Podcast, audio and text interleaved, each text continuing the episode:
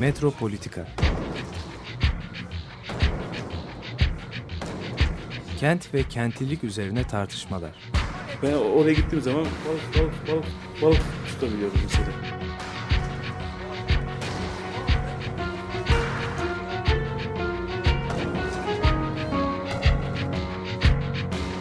Hazırlayıp sunanlar Aysin Türkmen, Korhan Gümüş ve Murat Güvenç. Takusu yok yani. Kolay kolay boşaltamadılar. Yani elektrikçiler terk etmedi Perşembe Pazarı merkezinde. Merhabalar değerli Açık Radyo dinleyicileri. Ben Korhan Gümüş. Bir Metropolitika'da birlikteyiz.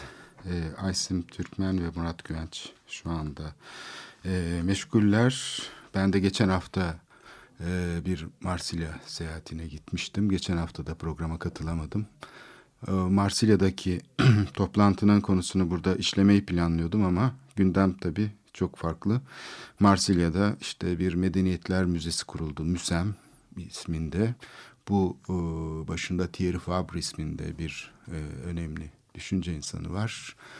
E, Marsilya bu müze ile şu anda yani Marsilya'nın zannedersem en önemli şeylerinden biri, e, kurumlarından biri devlet tarafından desteklenen ee, şöyle bir mukayese yaptım. Sütlüce'deki yapılan kongre merkezinde yapılan o 20 sene inşaatı süren şeyin tüneli için harcanan paraya mal olmuş. Bu kültür merkezinin e, bedeli. E, şimdi e, programda Ferda Keskin var. Hoş geldin Ferda. Hoş Bilgi bulduk. Üniversitesi'nden. E, programın e, konusunda e, tabii e, bir e, ge- geçen hafta şöyle bir ben taradım e, ve e, bu, sizin de daha önce işte şeyde yaptığınız e, toplantıda Mimar Sinan Üniversitesi'nde e, yaptığın konuşmaya da burada atıfla herhalde e, bu programda bir şey yapacağız, e, tartışacağız konuyu. E, ben şeyden girmek istiyorum. E, bu kapitalizm tartışması ilk önce. yani kapitalizmin ne olduğu tam anlaşılamadı galiba. Çünkü ya kapitalizm derken herkes farklı bir şey anlıyor. Kapitalizmle madenci ölümleri arasındaki ilişki. Ben ilk önce oradan girmek istiyorum. Tabii. Ee, kapitalizm insanları öldürür gerçekten. Savaşlar yaratır, bağımlı hale getirir, köleleştirir. İnsani olmayan bir e, şey yaratır ama e, kapitalizmin olduğu her yerde e, madenci madenci ölümleri yaşanmıyor. Yani bir kere böyle bir şey var. Kapitalizmin olduğu her yerde sermaye, siyaset iç içe geçmiyor.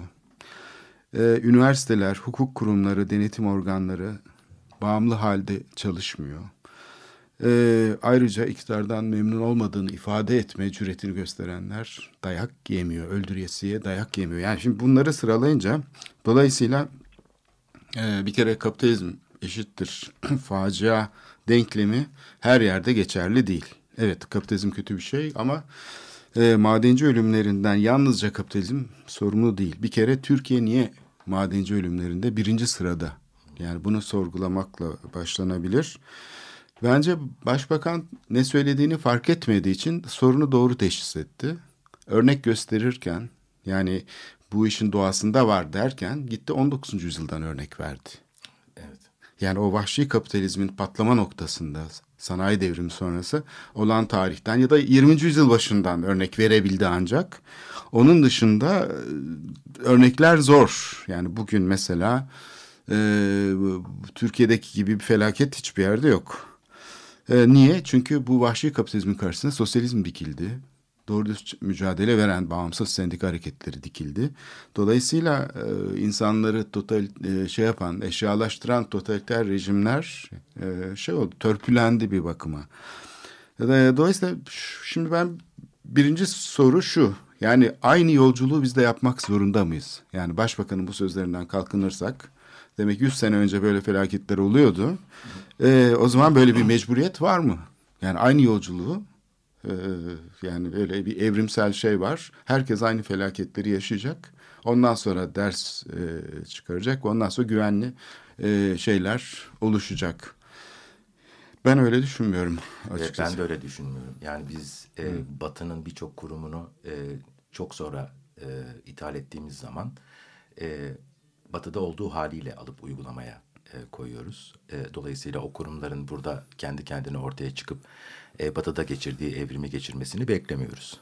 E, buna birçok örnek verilebilir. Bu hem ekonomik faaliyet içerisinde geçerli olan kurumlar hem toplumda hem siyasette. Dolayısıyla o kurumlar da burada işte yavaş yavaş gelişsinler. O arada işte insanlar ölsün vesaire gibi bir lüksümüz hiçbir zaman yok. Dolayısıyla aynı yoldan geçmek gerekmiyor. E, fakat senin söylediğin çok önemli. Yani tabii ki bütün bunlar kapitalizmle ilişkili olan bir şey. E, fakat burada sanıyorum önemli olan kapitalizmle siyaset ilişkisi. Siyaset derken de e, iktidardan ve iktidarın kullandığı yönetim tekniklerinden e, bahsediyorum. E, kapitalizm batıda geçirdiği evrimde e, çok farklı yönetim teknikleri e, veya iktidar modelleri e, üretti. E, bu modeller dolayısıyla şu anda bulunduğu yerde batı aslında. E, bizde ise e, benzeri modeller uygulanmaya çalışılmakla birlikte e, maalesef e, bu konuda bir beceri e, henüz gösterebilmiş e, değiliz. E, ve dolayısıyla da e, batıda olmayan bir takım facialar e, burada çok rahatlıkla olabiliyor ve sanki bunlar doğalmış. Senin söylediğin gibi işin fıtratında e, varmış gibi de e, gösterilmeye çalışılabiliyor. Bu çok vahim, çok acı bir Facianın durum. E, bizzat e, şey doğallaştırılması, doğallaştırılması, e, olanlaştırılması. ve yani bir tür kader. Halbuki işte e, Soma faciası olduğundan, katliamı olduğundan beri e, herkes e, açık açık bunu söylüyor. Yani bu bir kaza değildir, e, bu bir cinayettir, e, kader değildir, katliamdır. Gerekli önlemler alınabilirdi. Fakat bu önlemlerin alınabilmesi için e, siyasetteki e, insanların, e, daha doğrusu iktidar konumunda olan e, insanların e, o merciğinin e, belirli bir takım yönetim tekniklerini uygulayabilecek kapasiteye sahip olması gerekiyordu. Fakat belli oldu ki e, bu yönetim meselesi konusunda çok ciddi e, hem eksikler var, hem zaaflar var, hem savrukluk var, hem umursamazlık var, e, hem de e, rant bir an evvel e, sermaye birikimini geliştirmek ve e, rant e, sağlamak için e, kestirme yollardan e, gitmek var. E, ve tabii bu kestirme yollarının içinde ciddi yolsuzluklar da e, olduğu yavaş yavaş ortaya çıkmaya e, başladı. Bence dolayısıyla buradaki en önemli zaaflardan bir tanesi e, yönetim zaafıdır. E, yönetim zaafı derken de uzun vadeli bir yönetim stratejisinden bahsediyorum. E, kapitalizm e, özellikle e, 18. yüzyıldan bu yana e, Batı'da e, bu konuda çok e, yeni bir takım teknikler e, geliştirdi. Uzun vadeli yönetim derken e, bir tür güvenlik e, sistemi oluşturmak toplum içerisinde. E, bu güvenlik kimin güvenliği elbette? Yönetenlerin güvenliği değil. E, yönetilenler ve o yönetilenlerin içinde bulunduğu iktisadi üretim sürecinin e, güvenliği. E, pozitif anlamda söylemiyorum bu güvenliği. Sadece işleyişinin e, sekteye uğramadan devam etmesini sağlayacak mekanizmaları geliştirmek anlamında e, söylüyorum. E, bunun için ne yaparsınız? Bunun için belli bir takım hesaplamalar e, yaparsınız. E, veri toplarsınız. E, e, uzun vadeli bir takım projeksiyonlar e, yaparsınız. E, dolayısıyla sistemin e, güvenli bir şekilde e, işlemesini sağlayacak e, düzenlemeleri yapar e, devlet. E, ve bu çerçevede tabii ki uzun vadeli bir strateji olduğu için kriz anları da önceden e, öngörülür e, ve ona uygun bir takım güvenlik düzenekleri oluşturulur. Bu güvenlik düzenekleri e, kriz anında hemen devreye girmek suretiyle e, hasarı en aza indirgeme e, yolunu e, seçer veya bunu yapmaya çalışır. E, bunların hiçbir tanesinin olmadığını çok net olarak görmüş durumdayız. Yani burada kapitalizmin aslında gelmiş olduğu e, noktada batıda e, kullandığı mekanizmalar e, ve e, teknikler henüz mevcut değil. Yani Adalet ve Kalkınma Partisi'nin çok ciddi bir yönetim zaafı var. Kendi uygulamaya çalıştığı neoliberal e, modelin yönetim mekanizmalarını, yönetim tekniklerini e, ne sahip değil ve uygulayamıyor. Evet hemen e, burada facia olmasa asla ortaya dökülmeyecek olağan işleyişe şöyle bir kısaca baksak. Kömür haftalar öncesinden ısınıyor ve madencilerin elini yakmaya başlıyor. Evet. Uyarıyorlar birkaç haftadır. Fakat yetkililer üretim durdurulmasını e, kabul etmiyorlar, geçiştiriyorlar. Sansörler yani karbon monoksit e, seviyesini gösteren sansörler e, işareti veriyor. tehlikeli bir artış gösteriyor. Kayıtlara bile giriyor. Bilgisayar kayıtlarına da giriyor. Ama üretimi yavaşlatır diye dikkate alınmıyor. İşte elektrik yüklenmesi ilk başta söylenen panolar yani sigortalar atıyor. Bunun yerine düz kablo bağlantısı yapılıyor. Bu da herhalde e, şeyi ateşlemeyi hızlandırmış olabilir böyle şeyler. Çünkü yani maden bir anda her taraf e, tutuşacak e, değil. İşletmede yasa dışı olmasına rağmen ana faaliyet kolun, kolunda gizli taşeronlaşma modeli uygulanmış ve bunu herkes biliyormuş. Yetkililer de biliyor. Dayı En başı denilen model değil mi? Dayı ve buna başı. kimse aldırmamış. Yani yasalara aykırı bir faaliyet modeli uygulanıyormuş ve bunu biliyormuş herkes, yetkililer dahil ama kimse aldırmıyormuş. Çalışma Bakanlığı müfettişleri denetime gelmeden önce haber geliyormuş. Hani askerde olur ya teftiş Evet. e, şeyi. Ya da bir hafta ilkokullarda. Ona göre şeyler hazırlanıyormuş, malzemeler falan konuyormuş. Çünkü gaz maskelerinin ya da işte madencileri korumak için kullandıkları maskelerin 3 yıldır aslında denetlenmediği ortaya çıkmış. Küflüymüş hepsi Evet, falan. ayrıca bugünkü gazetede vardı. O e, maskeler, küflü olan maskeler doğru maskeler de değilmiş. Hı, bu işe uygun maskeler değil. Bu işe uygun maskeler Toz maskesi değillermiş. falan da olabilir tabii. Toz maskesi e, imiş esas itibariyle ve öyle bir saat falan değil 10-15 dakikada zaten e, İnsanların ölümünü sağlıyor. Sağlayacak bir e, maske bugünkü gazetede Tabii oksijen gelirken. maskesi olsa zaten 3 sene bakımsız duramaz ki. İçindeki gaz kaçar, Tabii. bozulur falan. Ee, bu şirketin e, şeyleri, işçileri e, iktidar mitinglerine götürülüyormuş toplu olarak. Devlet Denetleme Kurulu'nun hazırladığı rapor, 6 ay çalışarak yaptığı rapor, hazırladığı rapor sümen altı edilmiş.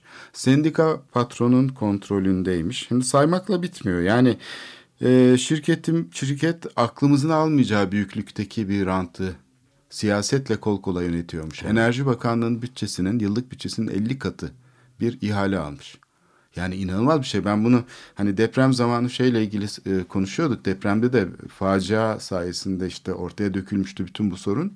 Yani imar rantının belediye bütçesinin kaç katı olduğunu mesela Beyoğlu'nda ben anlattığım zaman insanlar şaşırıyorlardı. Yani bir kamu eliyle yaratılan rantın bir kararın bazen bir e, sadece bir kararın bile o, kamu e, şeyinin kuruluşunun bütçesini yıllık bütçesini geçtiğini ben ispatlamıştım. Sadece bir yapının e, yıkımını mesela Narmanlı Han'ın yıkımı ve bundan siyasetçinin alacağı rant kamu bütçesini geçiyor bazen. Şimdi bunu burada da 50 katı Enerji Bakanı'nın 50 katı 18 milyon ton kömür 70 milyar TL kaç tane bakanlığı yani 10 tane bakanlığı yan yana getirsen 10 tane bakanlığın bütçesinden büyük. Yani Kültür Bakanlığı'nı falan saymıyorum. Enerji Bakanlığı'nın 50 katı bütçesi. Sanayi Bakanlığı'nın bütçesinin 100, 140 katı bir e, şey ihale almış. Bu arada müteahhitler e, sadece bu müteahhit değil iktidarın oluşturduğu havuza da para aktarıyormuş. Şimdi bu da çok ilginç. Bunu da herkes biliyormuş. Yani bütün müteahhitler anlatıyormuş bunları yanındakilere. İşte biz şu işi aldık, şu kadar parayı falanca işe verdik, şuraya verdik, buraya verdik söylüyorlarmış. Yani soru şu bunların e, bilinmesi için illa bir facia mı yaşanması gerekiyor? Yani bunlar biliniyor zaten. Biliniyor ama e, bunların e, şeyi olağanlaştırılıyor. Yani bu olağanlaştırma meselesi konusunda benim çok dikkatimi çeken bir şey oldu. Daha bu ilk yani o zaman kaza haberi olarak facia değil.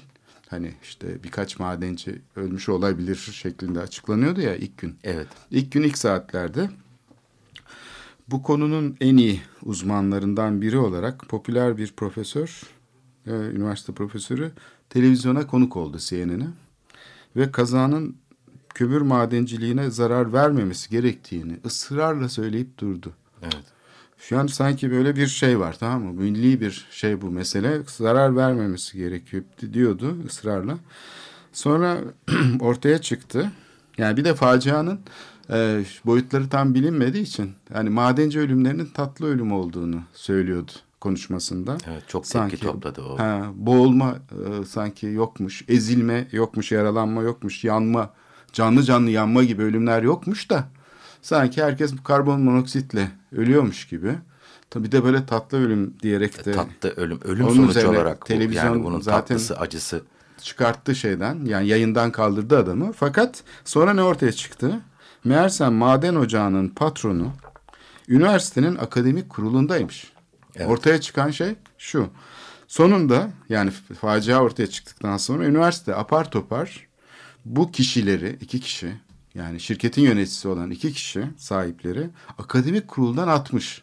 Şimdi bu da ne kadar ikiyüzlü bir davranış. Yani üniversite karanlığı aydınlatır. Ortaya çıktıktan sonra facia e, bu kişilerin e, şeyden atılması, akademik kuruldan atılması daha da iki yüzlü bir yaklaşım. Evet ama yani burada şunu da hatırlatmak lazım. Ee, bundan birkaç yıl evvel çıkan e, YÖK kanunu ile ilgili bir şey bu.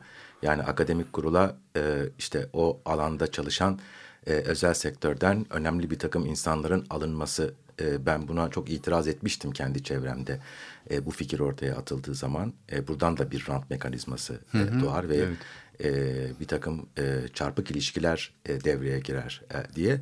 E, nitekim belli oldu. Yani e, e, üniversitenin akademik kurulunda e, maden sahibi e, yer alıyor e, ve işte e, belli ki e, o üniversite ve o üniversitenin yerine getirmesi gereken bir takım e, görevler e, bu şekilde e, bir e, çıkar ilişkisine dönüşüyor. Evet düzenin adı kapitalizm de olsa üniversiteler bağımsız olmak zorundadır. Çünkü ürettikleri bilgi kamuya ait bir bilgidir ve bağımsız olmadan yani kamuya ait e, bir kimlikle bağımsız olarak değil ama kamuya ait bir kimlikle üniversite adına mesela şey yapamazlar, danışmanlık yapamazlar, proje hazırlayamazlar, rapor veremezler. Şimdi Türkiye'de tam tersine demin sen diyordun yani bir yönetim krizi var aslında. Bu yönetim krizi e, bu kurumların iç içe geçmesiyle çok alakalı. Yani sermaye ile iktidarın birleşmesinin bir patlamaya neden oluyor Evet. zaten. Şimdi üniversite dediğimiz kurumda da şimdi mesela bazı yöneticiler özel sektöre veya kamu kuruluşlarına iş yapmaları gayet doğal karşılanıyormuş ve yaygınlaştırılması teşvik ediliyormuş. Tabii tabii bu neoliberalizmin üniversiteden beklediği yeni yapılanma biçimi zaten. Yani bizim bildiğimiz anlamda üniversite, bizim e, üniversiteye yüklediğimiz anlamlar e, artık tarihe karıştı e, diyebilirim veya karışacak çok yakın bir gelecekte. E, eğer e, mesela yeni çıkan üniversite kanunlarına bak bakarsan a, veya e, vakıf üniversitelerinin e, işte e, kendilerine yükledikleri misyonlara dair metinlere bakarsan orada neoliberal işletme terminolojisinin olduğu haliyle kullanıldığını görüyorsun. Yani işte şeffaflık, hesap verilebilirlik, performans kriterleri, piyasayla yakın çalışma, ondan sonra işte e, piyasaya bilgi üretme, e, üretim sürecine dahil olma e, vesaire. E, bu anlamda üniversite çok ciddi bir değişim geçiriyor ve e, böyle bir değişim geçirmesi e, bekleniyor.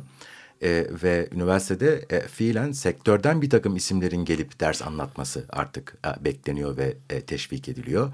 E, yani bu yüzden de e, bildiğimiz o geleneksel üniversite e, kurumu çok hızlı bir şekilde e, yerini e, e, özel sektöre özellikle kapitalist e, sermayeye e, gerekli enformasyonu bilgi demiyorum ben buna gerekli enformasyonu üreten e, ona hizmet veren e, ve e, onun beklentilerine yönelik olarak kendi araştırmalarını bilimsel araştırmalarını e, yapan e, projelerini bu çerçevede geliştiren e, bir mekanizma haline e, geliyor çok hızlı bir şekilde. E, bunun için uluslararası bir takım kurumsallaşmalar var. Bologna falan gibi. Bunlara ayrıca belki bir programda girmek çok e, faydalı olacaktır. E, üniversite kurumunun yeniden yapılanmasında. E, oradaki metinlere bakmak, orada kullanılan terminoloji, beklentiler vesaire.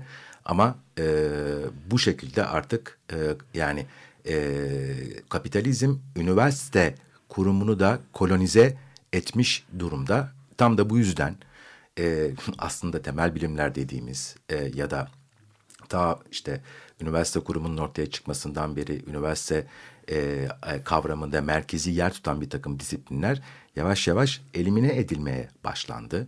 E, bir takım bölümler kapatılıyor, bütçelerden kesintiler yapılıyor. E, o e, bildiğimiz çok klasik araştırma alanlarında çalışan akademisyenlerden kendi başlarının çaresine e, bakmaları e, bekleniyor. E, üniversitelerde e, o alanlarda e, full time tam zamanlı öğretim üyeleri e, işten çıkartılıyor. E, işte yarı zamanlı ya da saat ücretli bütün dünyada bu özellikle kapitalizmin hakim olduğu e, dünyada e, karşımıza çıkan e, bir süreç. E, üniversitenin kolonize edilmesi aslında bir noktada üniversitenin özelleşmesi e, ve kar yapan bir kurum haline e, gelmesi anlamına e, da gelecek. Fakat yani burada bir e, ilginç bir durum var Türkiye'de. Şimdi e, Türkiye'de e, e, üniversiteden e, adını kullanarak hazırlanmayan proje kurullardan geçmiyormuş. E, izin almakta e, üniversite adı olan projeler e, önem kazanıyormuş. Bu mimarlıkta da böyle. Yani birçok projede zaten üniversite adına yapıldığını görüyoruz. Mesela Sütlüce'deki o kazulet inşaat e, bir üniversite adına yapıldı. Yani e, Bu da üniversiteyi markalaştırmak anlamına ee, işte geliyor. vapur diye yapılan o tuhaf hani bacalı bir şeyler var ya. Belediyenin bastırdığı broşürde işte üniversite tarafından tasarlandı diyor o k- gazulet. İşte o yine yani işletme terminolojisiyle söylersek üniversitenin marka değerini e, bir, Kullanıyor. e, kullanıyor tabii ki. Tabii meşruiyet, e, meşruluk sağlamak için kullanıyor ama şimdi şurada bir problem var. E, şimdi bu piyasa olan, ile olan ilişki işte hayatla ilişki diye adlandırılıyor ve teşvik ediliyor. Yani bu işte hayatla ilişki. Tabii ki üniversiteler hayatla ilişki kurar, kurmaz değil. Yani bunun alternatifi de işte şey üniversite hayatla ilişki kurmaz ne yapar? İşte kendi kendine işte böyle şey insanlar orada otururlar, e, kitap mı okurlar, e, eğitim mi verirler? Yani tabii ki üniversiteler hayatla ilişki kurarlar ama hani Sulukule'de gördük mesela bir İngiliz üniversitesi geldi nasıl ilişki kurdu? Bir e, buradan bir üniversite geldi nasıl ilişki kurdu? Tabii ki yani birisi tamamen e, kendi çıkarı için kuruyor. Kendi yani orada aslında üniversite tamamen bir paravan. Yani normal bir mimarlık ortamında alamayacağı bir işi üniversite adını almış oluyor. Ondan sonra kendi özel bürosuna aktarıyor ve orada yapıyor. Yine işi. ranta dönüştürüyor. Şimdi burada zaten sorun şurada. Hem koruma kurulu üyesi olan mesela hem üniversite öğretim üyesi olan ve üniversite adına rapor hazırlayan veya proje yapan hem de yani hem karar verici olan hem e, Yürütücü olan. yürütücü olan siyasetçiyle ilişki sağlayan maşalık yapan işte Taksim Gezi projesinde gördüğümüz gibi yani siyasetçiyle iş çeviren birçok yerde Beyoğlu'nda şurada burada Boğaz'da bir mimar yani onun şeyi olan bir kişi devreye giriyor ve bu kişi aynı zamanda üniversitede öğretim üyesi oluyor koruma kurulu başkanı oluyor falan Ee, aynı zamanda belediyede bilmem ne görevi oluyor şimdi bu suçtur Yani bu bu, mikro- ka- bu kapitalizm değil Tabii, tabii. bu, bu yolsuzluktur Bu aslında işte hani şey diyoruz ya makro düzeyde kuvvetler ayrılığı. Evet. Aslında mikro düzeyde kuvvetler ayrılığı gibi bir şey bu. Yani bir aynı şahısta hem işte kuralı koyma anlamında yasama, hem yürütme, hem işte e, karar verme, karar verme. onaylama, Aynen. e, Yani hem üretimi. sa- hem hakim hem savcı hem avukat hem e, işte e, kanunu yapan e, merci olma gibi bir şey bu. Korkunç bir mekanizma Evet tabii. yani senin söylediğin e, normal neoliberal sistemin işleyişi içinde üniversitelerin piyasayla olan ilişkisinin yarattığı sorundan söz ederken birdenbire aslında bir de yolsuzluk sisteminden Evet. söz etmeye başlıyoruz. Çünkü e, şeye baktığımız zaman e, bu e, şeyler şebeke aslında bir tür çeteleşme aslında. Bu devlet içinde bir tür çeteleşme. Yani organize suç örgütü demek. Yani o kişiler kurdukları ilişkilere bakılırsa aslında informal bir ilişkiyi kamu düzeni içine taşımış oluyorlar. Elbette. Şimdi bu e, şeyde de üniversitenin akademik kurulunda yer alması bu patronların aynı zamanda siyasetçilerle ilişkisi ve enerji konusunda bir tekel oluşturması bu şirketin aynı zamanda e, bildiğimiz e, neoliberal e, ilişkiye de tam Bence tekabül etmiyor. ediyor ediyor şu Ediyor anlamda. Ediyor. Tabii şimdi neoliberal yönetimsellik derken kastettiğimiz şey veya yönetim derken kastettiğimiz şey dışarıdan gerçekliğe yasa empoze etmek değil eşyanın kendi tabiatına akışına bakmak e, ondan sonra e, ve e, oradan e, ne yapılması gerektiğini çıkartmak. Bunun için çok önemli bir bilgi veri toplama e, ve e, teknik bilgiye ihtiyaç var. E, bu teknik bilgi devletin kendi kadrolarında her zaman olabilecek bir şey değil. Dolayısıyla sektör o sektöre yakın e, bilimsel alanlarda çalışan insanlarla e, belirli bir ilişki içerisine girmek zorunda. O bilgiyi toplayabilmek için ve o bilgi ışığında uzun vadeli stratejiler saptayabilmek, o strateji içerisinde belli taktikler geliştirmek a, ve e, belli bir takım uygulamalar yapabilmek için. Ama tabii e, tam da senin dediğin gibi o yolsuzluklar bunun bir parçası değil.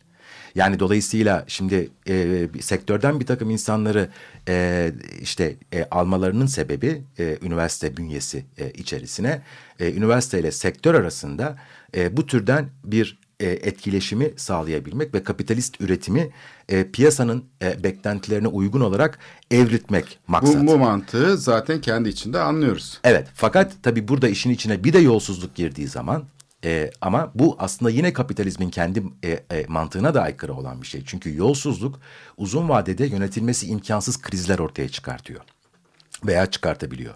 İşte bu e, mesela maden faciasında katliamında gördüğümüz gibi. Dolayısıyla yolsuzluk aslında e, kapitalist yönetimselliğin çok ihtiyaç duyduğu o güvenlik mekanizmasını da sekteye uğratan bir şey. Fakat e, işte kısa vadeli düşünüldüğü için e, kısa vadeli bir takım rant mekanizmaları veya kaygıları devreye girdiği için e, bu türden uzun vadeli e, stratejiler e, ikinci plana itiliyor. Çünkü sonuç olarak e, kimin ne kadar süre hükümet olacağı, e, hangi seçimlerde kimin kazanacağı belli değil. E, dolayısıyla tabii yani bir takım iddialar var, herkes iddialı ama maksat e, e, sermaye birikimini ve o sermayenin ranta dönüşmesini vesaire olabildiğince kısa bir süre içerisinde kendi iktidarda olduğunuz süre içerisinde gerçi hiç kimse ilelebet iktidarda olmadığını bildiği için bunu mümkün olduğu kadar hızlı yapma ihtiyacını hissedenler e, sonuç olarak e, böyle bir yolsuzluğa doğru e, gidiyorlar. Özellikle bu az gelişmiş kapitalizmlerde çok karşımıza çıkan bir şey. E, ve e, Türkiye'nin kapitalizminin de çok gelişmiş olduğunu iddia etmek mümkün değil. E, dolayısıyla e, Türkiye'de e, çok partili sisteme geçildikten sonra e, ve e, işte e, kapitalizm e, farklı bir e, e, çizgiyi takip etmeye başladıktan e, sonra e, da e, bu e, kısa vadeli e, planlar, düşünme ve bu kısa vade içerisinde olabildiğince fazla sermaye biriktirme e, kaygısı e, o yönetim sanatı dediğimiz e, şeyi, yönetim mekanizmalarını e, yolsuzlukla e, dolduran, yolsuzlukla e, çarpıtan bir şey haline dönüşüyor. Evet, şimdi burada tabii mutlak itaati bekleyen bir başbakan var işte Ha, or- dayak atan falan. E, şimdi bu da tabii bu söylediğin yani o sınır nerede geçiliyor meselesini çok iyi bir şekilde O- açıklıyor. o konuda yani söyleyecek çok şeyim var evet, aslında. Kapitalizmin yani şeyinde fıtratında bu da var mı dayak Yok, atmak yok, falan. yok. E, böyle tekniklerde kullanılıyor mu? Hatta Yok, korumalar da arkadan çullanıyor falan. Bunu konuşacağız Evet. tabii. Programın diğer bölümünde e, şimdi e, Sharon Jones'tan dinleyeceğiz. Get Up and Get Out isimli parçayla devam ediyoruz. I've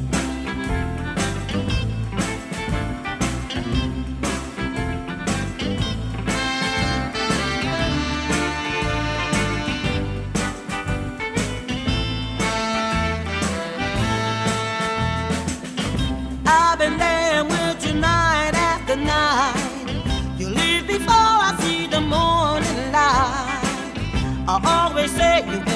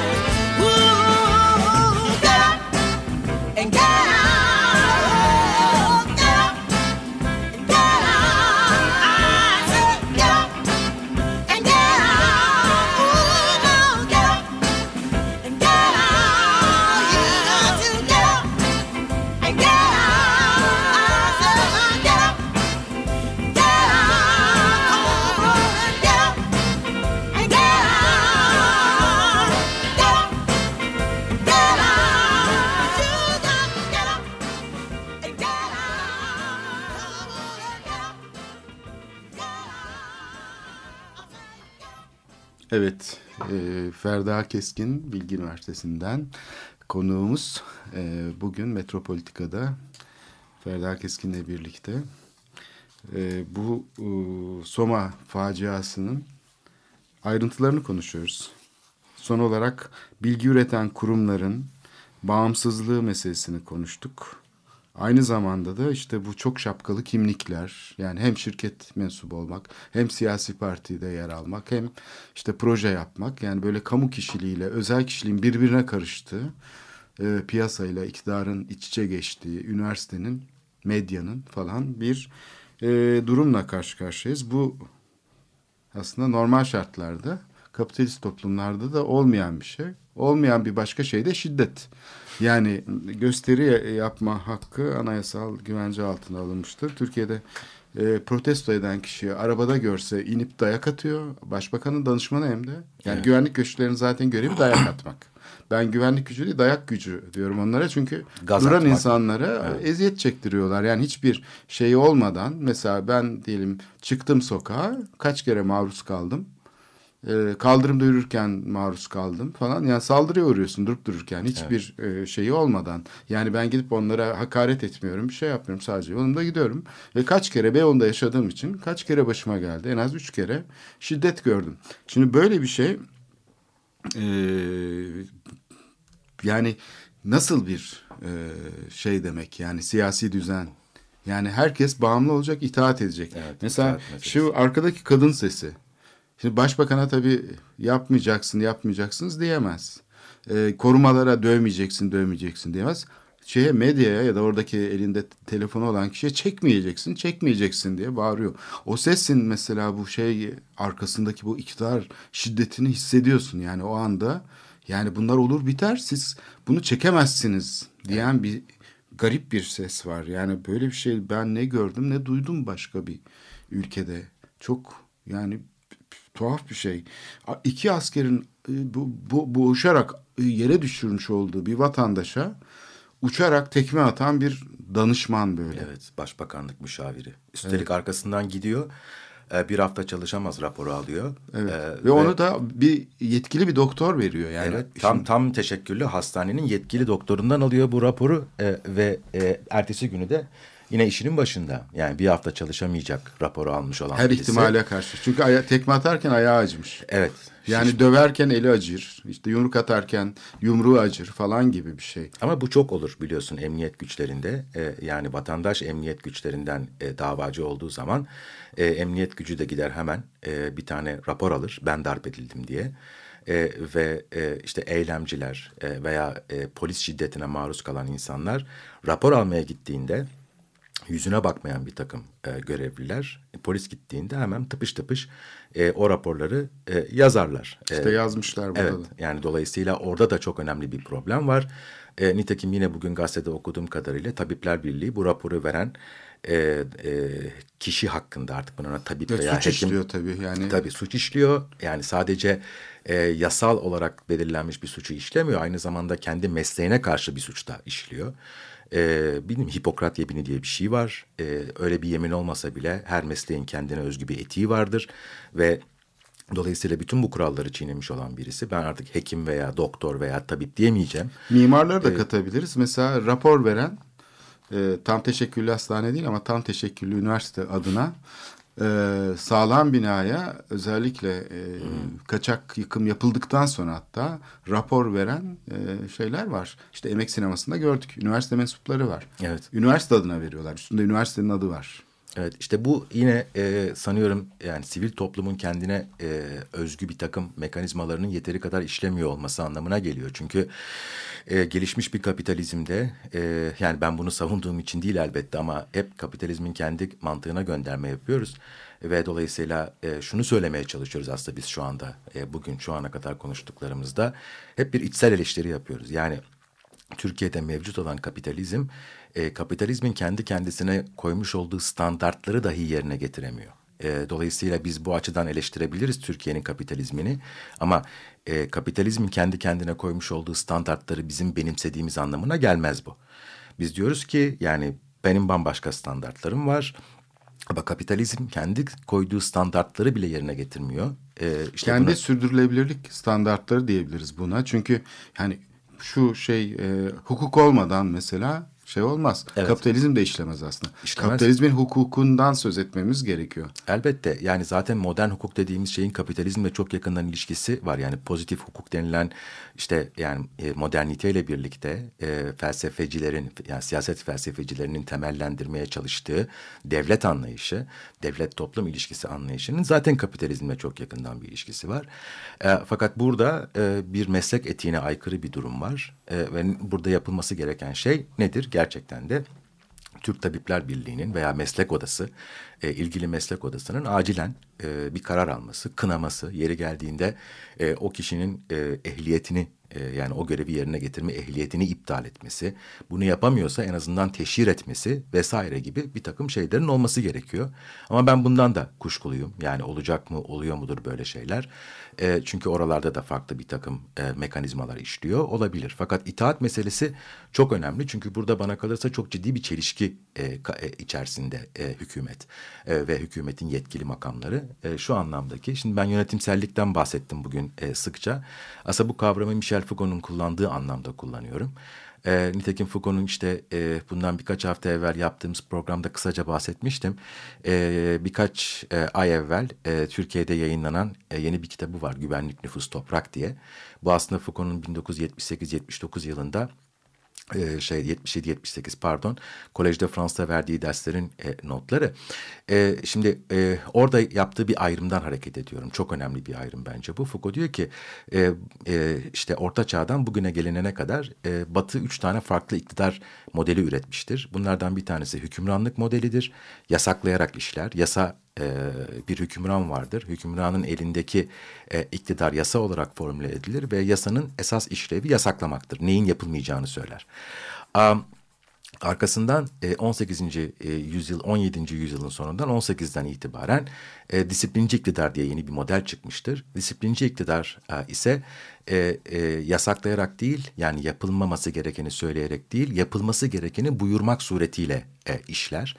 E, ve e, bu tamamen kapitalizmin ihtiyacı olan bir e, e, iktidar modelidir.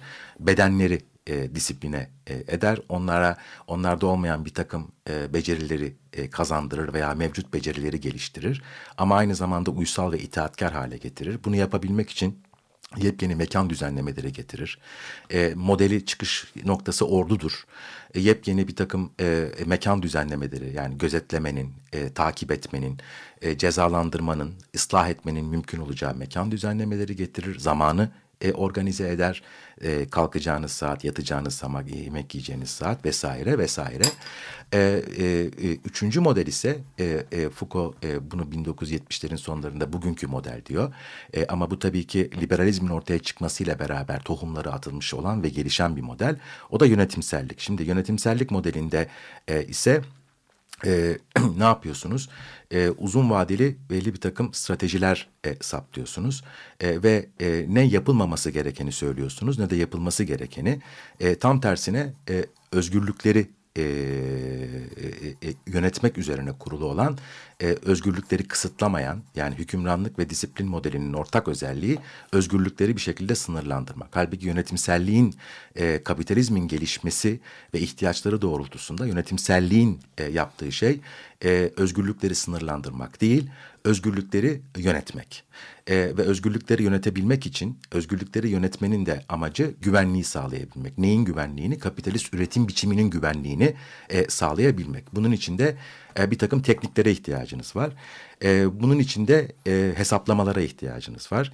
E, yani bu süreç mesela ekonominin e, artık aile yönetimi olmaktan çıkıp toplum yönetimi olması anlamına geliyor. Çünkü ekonomi kelimesinin biliyorsun antik Yunanca'daki anlamı veya kökeni oikonomostur. O da aile idaresi. Bunun bir toplum idaresi şeklinde dönüşmesi e, yine işte kapitalizmle beraber nüfusun bir sorun olarak görülmeye başlamasıyla ilgili olan bir şey. Ve buna yönelik olarak nüfusun yönetimi için neler gerekiyor e, uzun vadeli stratejilerde? E, hep takım hesaplar yapmak gerekiyor. Doğum oranları, ölüm oranları, yaşam süreçleri vesaire. E, ve e, bunun için bir bilim gerekiyor. Devlet bilimi. Devlet biliminin e, şeyi nedir? E, adı nedir? İstatistik. Çünkü hep biz istatistiği e, sadece teknik bir şey olarak biliriz değil mi? E, e, e, sosyal bilimlerde ve özellikle ekonomide kullanılan. Halbuki kelime anlamına baktığımız zaman içinde state var. Eta yani e, istatistik denilen şey aslında toplumun yönetilmesi için ihtiyaç duyulan devlet bilimi demek. E, şimdi e, bu e, e, istatistik e, denilen o süreç, oradaki işte yeni matematik hesapları, probabilite hesapları falan filan bütün bunlar yapılmak suretiyle e, aslında sağlanmaya çalışılan şey e, kapitalist ekonominin ihtiyaç duyduğu işleyişi e, güvence altına almak, onun için gerekli düzenlemeleri e, yapmak. Fakat özgürlükleri yönetebilmek için e, bu çok zor bir şey tabii ki. Özgürlükleri e, yönetebilmenin yolu nedir? E, aslında bu Foucault bunu 1980'lerde çok netleştirdi. E, insanları özneleştirmek. Yani insanlara belli bir takım düşünme, davranma ve hissetme biçimlerini dayatmak. Bunları benimsemelerini sağlamak ve özgürlüklerini bu çerçevede kullanmalarını sağlamak. Onların özgürlüklerini sınırlamadan ama o özgürlükleri belli bir takım normlara göre kullanmalarını sağlamak. Dolayısıyla özneleştirme aynı zamanda belirli bir normun da dayatılması anlamına geliyor. Şimdi ortaya çıkan sorun şu e, aslında Gezi Parkı olaylarıyla beraber e, Türkiye e, nüfusunun en azından yarısı Adalet ve Kalkınma Partisi'nin neoliberal, muhafazakar, normatif sistemini kabul etmediğini net bir şekilde dile getirdi. Arkasından 17 Aralık krizi patladı. 17 Aralık kriziyle beraber Adalet ve Kalkınma Partisi'nin bu yönetim denilen stratejileri uygulamak için gerekli e, e, kadrolarla ciddi bir sorunu olduğu ortaya çıktı. Nedir o kadrolar? Bunlar nereye uygulanmak zorunda kalan e, şeyler, prosedürler? Eğitim, yargı, emniyet ve sağlık. Anlaşıldı ki özellikle eğitim, emniyet ve yargı gibi e, bir takım alanlarda mevcut kadrolar aslında AKP'nin kendi kadroları değilmiş. Bak kimin kadrolarıymış? Cemaatin kadrolarıymış. Şimdi orada bana kalırsa çok ciddi bir çatlak oluştu ve bu artık giderek hükümetin yönetim için elindeki önündeki alanın daralması anlamına gelmeye başladı. Yani bir taraftan yönetilenler biz bu şekilde yönetilmek istemiyoruz. Özgürlüklerimizi sizin dayattığınız normlara göre kullanmayacağız e, şeklinde çok net bir tavır aldılar. Öbür tarafta ise içeriden, hükümetin kendi içinden o yönetim sanatı denilen çok zor işi gerçekleştirmek için ihtiyaç duyduğu kadrolarda ciddi bir sıkıntı ortaya çıktı. Ve ne oldu bunun üzerine? E, hükümet tasfiye etmiş olduğu disiplinci iktidar kadroları var ya o hani Ergenekon davasıyla içeriye girmiş olan onları dışarı çıkartarak bana kalırsa onlarla zimni bir ittifaka dön girdi ve arkasından hükümranlık modeline geri dönmeye çalıştı. Çünkü ben 2007'den beri aslında bu sürecin bir şekilde yaşandığını düşünüyorum. Hı hı. Yani aslında AKP bir parça e, bu rejimi dönüştürmeye çalışıyormuş görüntüsündeydi. 2007'lerde. Fakat bir kırılma oldu ve birdenbire evet. şunu fark etti ki AKP kadroları aslında bu gelişme bizi tehdit ediyor. Hı hı. Çünkü kendi varlıklarını, kendi rantlılarını, ayrıcalıklarını ortadan kaldıracağını fark etti. Yani aslında o kutuplaştırıcı rejime geri döndü. Evet. Çünkü e, yani milli rejimin aslında örttüğü temel gerçek sınıfsal çelişkidir. Yani modernleşme süreci bir eşitsizlik yaratıyor. Ama bunu e, şey e, otoriterleşmeyle e, ve karşıtlık rejimiyle hı bir mutenalaştırma e, süreci yaşıyor Cumhuriyet sürekli başından beri. Yani milli şeylerin olduğu sistemlerde, otoriter toplumlarda sınıfsal eşitsizlik yani işte sol hareketle sağ hareket arasında diyelim bir e, şey mücadeleden çok kültürel bir karşıtlık gibi işte Kemalizmle e, şey arasında İslamcılık arasındaki bir mücadeleymiş gibi ortaya çıkıyor ve ayrı seçkin gruplar evet. oluşuyor. Yani ilk önce halifenin etrafında genişen bir yeni Osmanlıcı işte oryantalist bir şey var. E, ondan sonra yerine işte onu tasfiye eden bir cumhuriyet arınmacı daha şey, rasyonelist bir şey. Ondan sonra onun çözülmesi var. Evet. 1953'lerden sonra yani Fethin 500. yılı şeyi bir dönüm noktası. Yani bu rejimin aslında içinde bir taraftan da bu tekabüliyet ilişkisini yani senin söylediğin yani iktidarın e, topluma biçtiği rolü tanımlayan seçkinleri hareketinin e, gizli bir e, bagajı var. O bagaj sürekli sürekli e, telaffuz edilmese bile kriz yaratacak şekilde şeyi dürtüyor. Taksim'e kışla yapılması gibi. Yani o sürekli gizli böyle bir şey olarak potansiyel bir güç. Çünkü böyle çalışıyor. Çin Komünist Partisi de böyle çalışıyor. Yani sadece AKP böyle değil. Neoliberal sistemin özelliği aslında bu şeyi tasarım ideallerini gizli tutarak krizler yarattığı için geriye çekerek ama onu her zaman e, örtük bir şekilde kullanması. Bunu biz ideolojimiz için bu kapitalizmi bu şekilde kullanıyoruz. Onun için yolsuzluk yapıyoruz demesi ve bununla ikna etmesi kitlesini. Bunu çok net gördük yani BD'lerde 90'lı yıllardan beri. Değil mi? Böyle bir şey var. Yani bir gidiş geliş var aslında. Gidiş geliş var tabii yani bu farklı iktidar modelleri arasında e, bir tanesi geldiği zaman ötekini toptan iptal etmiyor. Tam tersine bir önceki direnmeye devam ediyor. Hatta nüfuz ediyor bir sonrakinin içerisine. E, mevcut e, diyelim ki mekanizmalar varlığını devam ettiriyor. İşlevleri e, değişiyor. Mesela bunun en güzel örneklerinden bir tanesi herhalde şudur. Aslında e, yani bu disiplinci iktidar dediğimiz şey Osmanlı İmparatorluğu'na 18. yüzyılın sonu ve 19. yüzyıldaki büyük reformlarla giren bir şey. Daha çok askeri alanda, Tabii evet. orduyla başlayan, arkasından eğitimle devam eden, buna uygun binalar, eğitim binaları, kışlalar, e, ondan sonra buna uygun e, e, kanunlar çıkartılıyor. İşte e, bir takım reformlar yapılıyor vesaire ve Cumhuriyet de aslında bu disiplinci iktidarın tepe noktası bir anlamda. Yani mesela eğitime bana kalırsa dünyanın başka hiçbir yerinde talim ve terbiye e, dairesi e, başkanlığı e, e, denmemiştir. Bilmiyorum denmiş midir ama yani bu çok önemli çünkü talim ve terbiye eğitimi talim ve terbiye olarak görmek Askerlere, aslında erlere yaptırdık. ama şu şey. anlamda yani Foucault'un e, e, Hapishanenin Doğuşu isimli kitabında anlattığı, e, kullandığı çok önemli iki kavram bunlar. Yani nedir? E, bir tanesi talim yoluyla bedende olmayan bir takım becerileri bedene vermek ya da mevcut becerileri geliştirmek talim yoluyla yani antrenman veya training.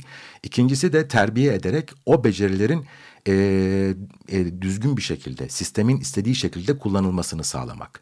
E, bu da nedir? Dosilite dediği şey yani Foucault'un itaatkarlık veya e, uysallık dediğimiz e, şey. Şimdi dolayısıyla bana kalırsa Türkiye Cumhuriyeti ithal ettiği disiplinci moderniteyi çok iyi anlayarak ithal etmiş. O kadar iyi anlamış ki eğitime tam da onun adını a, vermiş. Ve Farkındaysan aslında yönetimsellik dediğimiz model e, bu özgürlüklerin yönetimi şeklinde ortaya çıktığı için e, özellikle liberalizmle birlikte düşünülmesi gereken, onunla birlikte ortaya çıkan bir yönetim modeli e, ve e, bizim topraklarımıza bu coğrafyaya girmesi de çok yeni bir şey değil. E, giriyor 19. yüzyılda fikir olarak e, fakat iktidara gelme savaşı 20. yüzyılda cereyan ediyor. O anlamda askeri darbeleri ben e, şöyle okuyabiliriz diye düşünüyorum. Disiplinci model ile iktidar mekanizmaları veya modeliyle yönetimselliğin çatışması. Yani e, özgürlük derken Foucault'un kastettiği şey özgürlüklerin yönetimi dolaşım özgürlüğüdür. Yani mülkün dolaşımı, sermayenin dolaşımı ve emeğin dolaşımı. Bu mutlaka ihtiyaç duyulması duyulan bir şey. Biliyorsun totaliter rejimlerde insan dolaşımı e, özellikle sınırlandırılan bir şeydir. Dolaşımın e, mümkün olmasını engellemeye çalışır sistemler. E, bizde de hatırlarsan Demokrat Parti'ye getirilen, ben çocukken daha Demokrat Parti çok hafızalarda tazeydi. En çok benim duyduğum devletçi gelenekten gelen insanlardan eleştiri Demokrat Parti'nin işte aldığı bütün yardımları yol yapmaya harcaması, dolayısıyla göçü teşvik etmesi.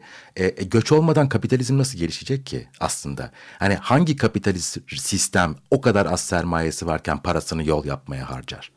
Hiçbir tanesi harcamaz. Eğer bunun için harcıyorsa bu dolaşımı sağlamak için.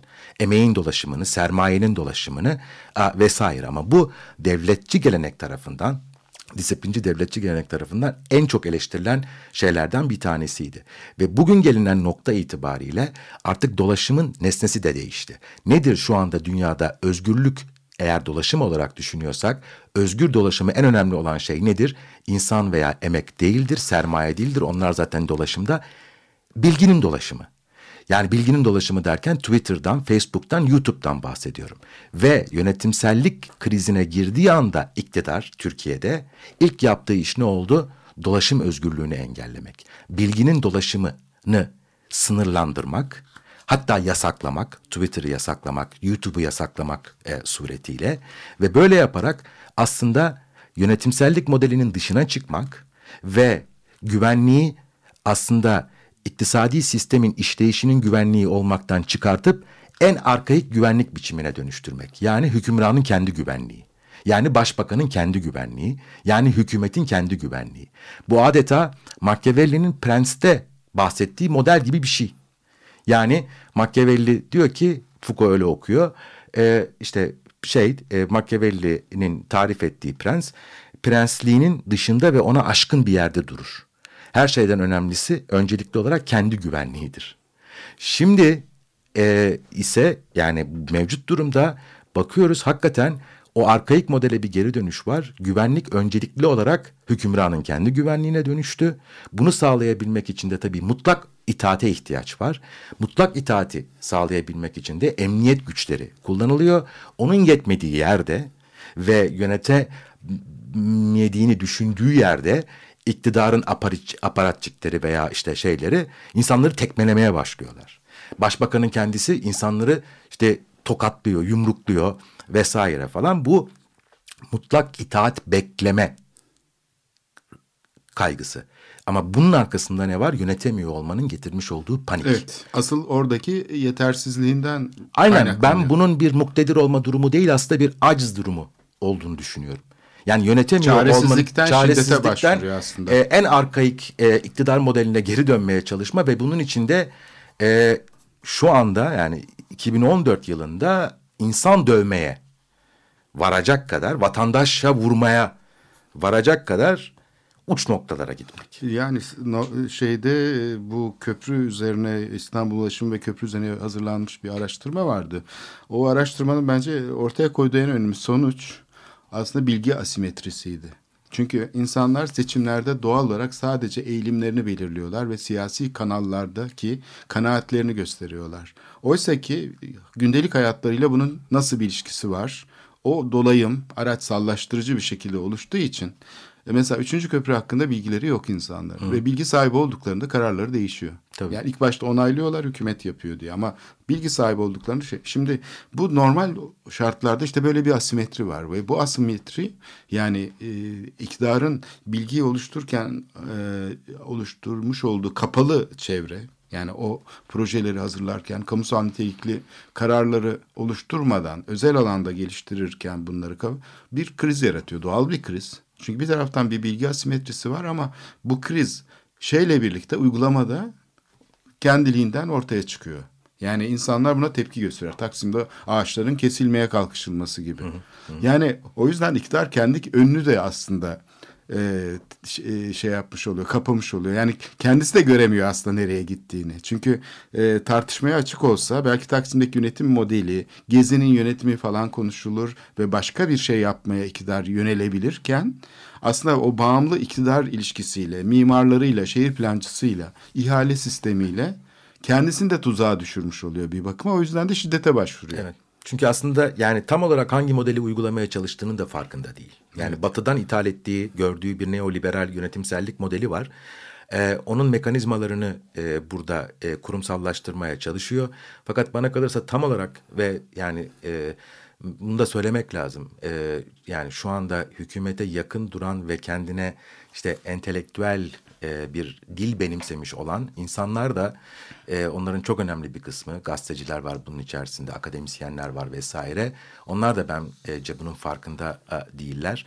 E, o yüzden de böyle bir e, kısır döngü şeklinde bu devam ediyor. Evet.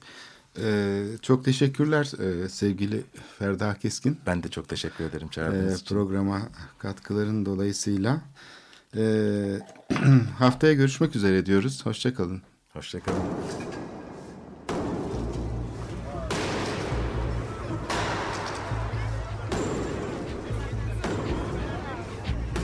Metropolitika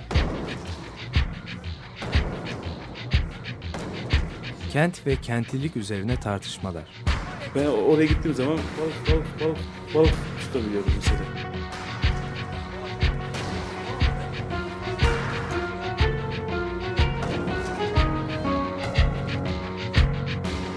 Hazırlayıp sunanlar Aysin Türkmen, Korhan Gümüş ve Murat Güvenç. Takusu yok yani. Kolay kolay boşaltamadılar. Yani elektrikçiler terk etmedi Perşembe Pazarı merkezini. Açık Radyo program destekçisi olun. Bir veya daha fazla programa destek olmak için 212 alan koduyla 343 41 41